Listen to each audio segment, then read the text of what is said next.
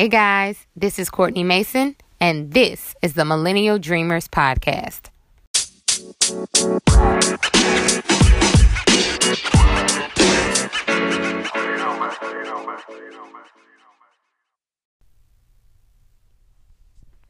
What up, what up, what up?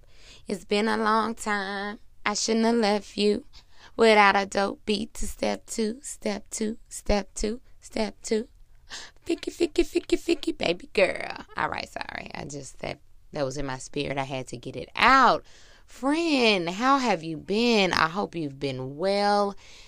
Time has passed. We've gone through the 4th of July holiday here in New Orleans. We just had Essence Weekend and embraced all of the black girl magic, the black woman magic. Just, it almost feels like a family reunion with a bunch of people you've never met in your life and you probably won't see again. But it's a phenomenal time and we really enjoyed it. So, without further ado, I'm back in your earbuds to start with this week's episode, and it is titled or entitled Just Say No.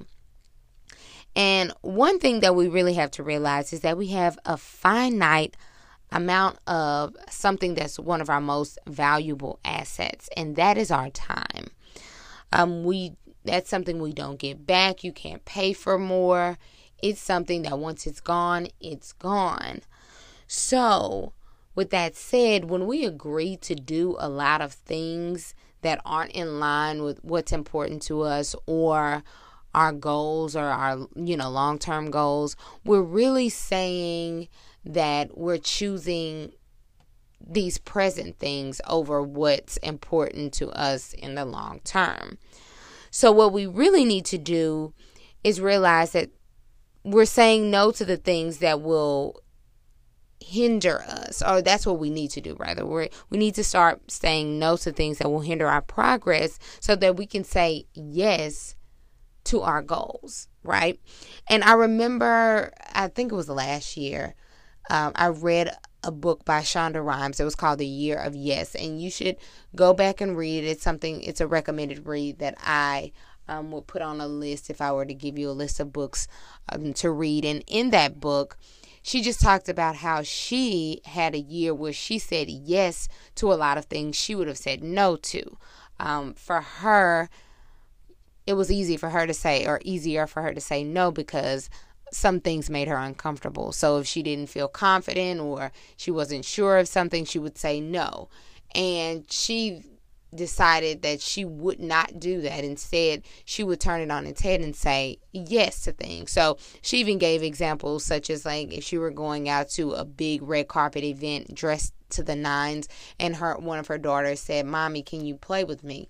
She would stop and say yes i can play with you. And even if it were for 10 minutes she would give her daughter that time. And what she started to see over um, the course of a year was that saying yes to the things that she would typically say no to it just made life more meaningful and she had more opportunities and it just allowed her to um, reach another dimension that she wouldn't necessarily reach had she been so closed off.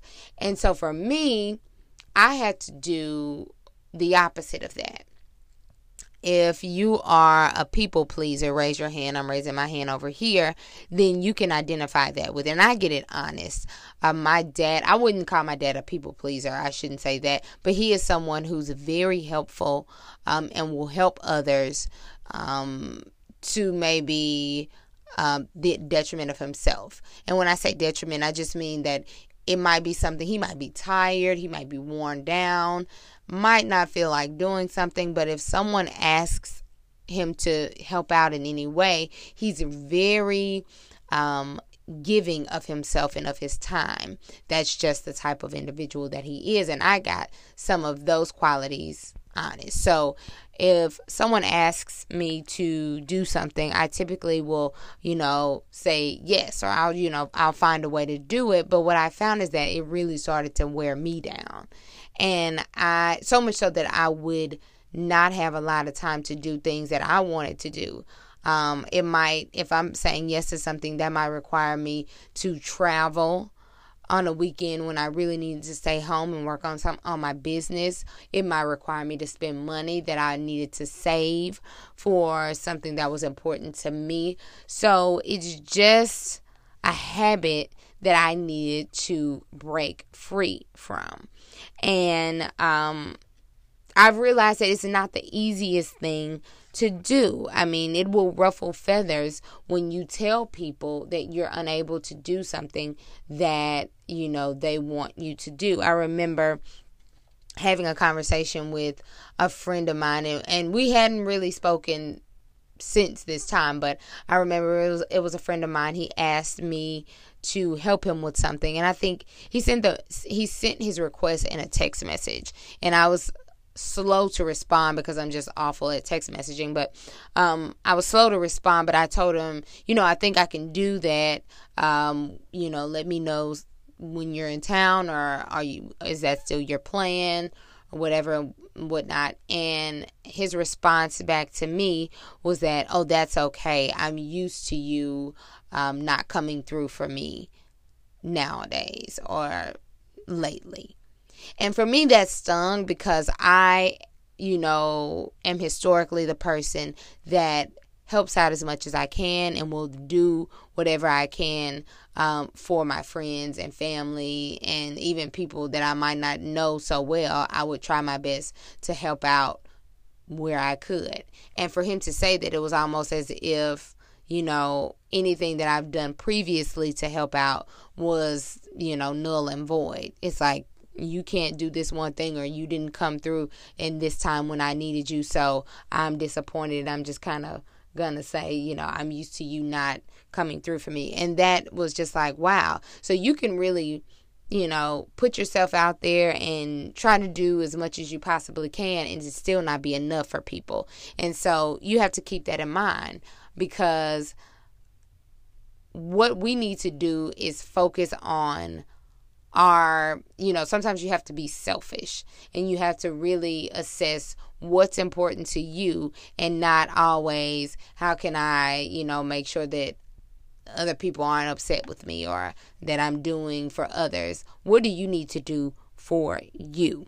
So, with that said, I'm going to keep it short. I'm just going to give you a few tips on how to say no without feeling guilt because you know that's the whole thing. You feel bad because you don't want people to feel rejected when you tell them that you can't do something. So there's guilt associated with saying no. And that's a reason why a lot of times we don't.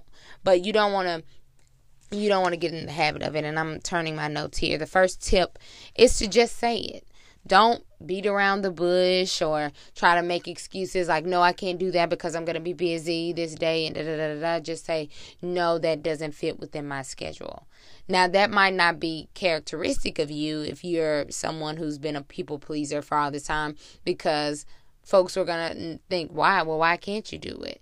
But fight that urge or that temptation or that, you know, uncomfortable feeling associated with not giving, oversharing, and giving people more information than they need, just say, no, I won't be able to do that, you know, this time because, you know, I just, I can't. It doesn't work with my schedule.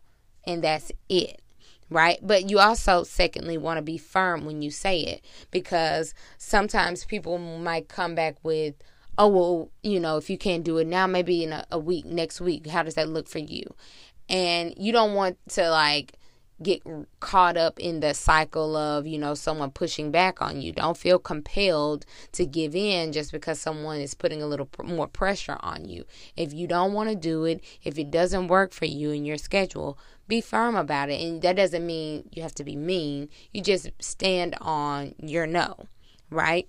Um, thirdly, if it's something that you think you might be able to do but you're not sure, resist the feeling of saying or the the um, urge to just say yes straight away, right? Give yourself some time and say, you know, let me check my schedule and I will get back with you.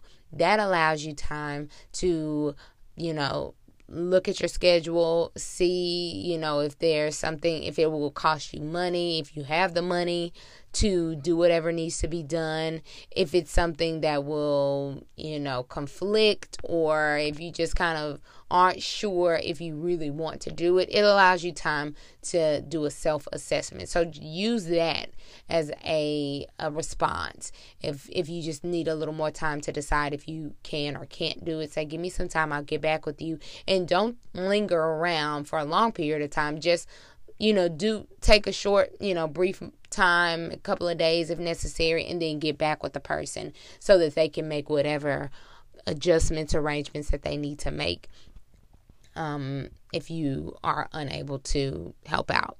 And also be clear. Don't say, you know, I think more than likely I will be able to do that, do, you know, show up or do this or do that. Um, but let me let me make let me make certain that I can.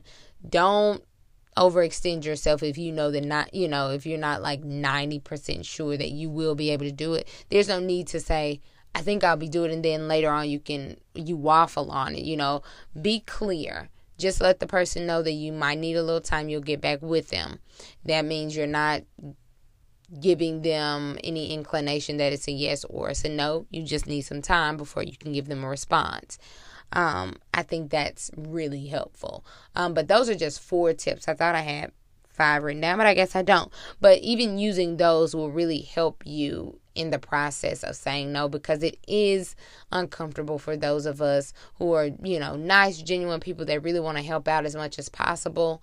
Um, it will help us to get there. But I will say this you know, we teach people how we, you know, or what we will do and what our limits are. Um, if we always are saying agreeing to things even when we don't want to do it, you know, because people will then start to expect you to do whatever it is that they request.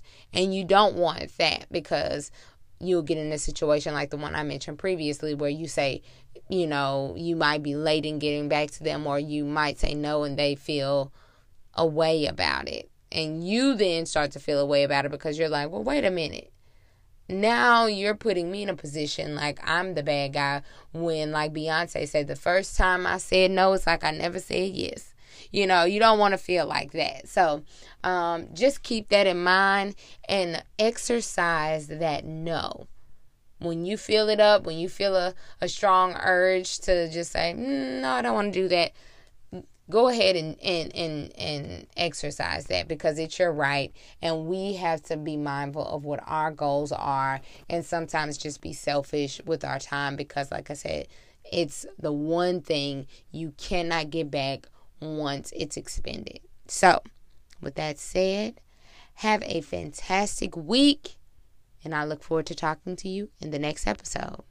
Peace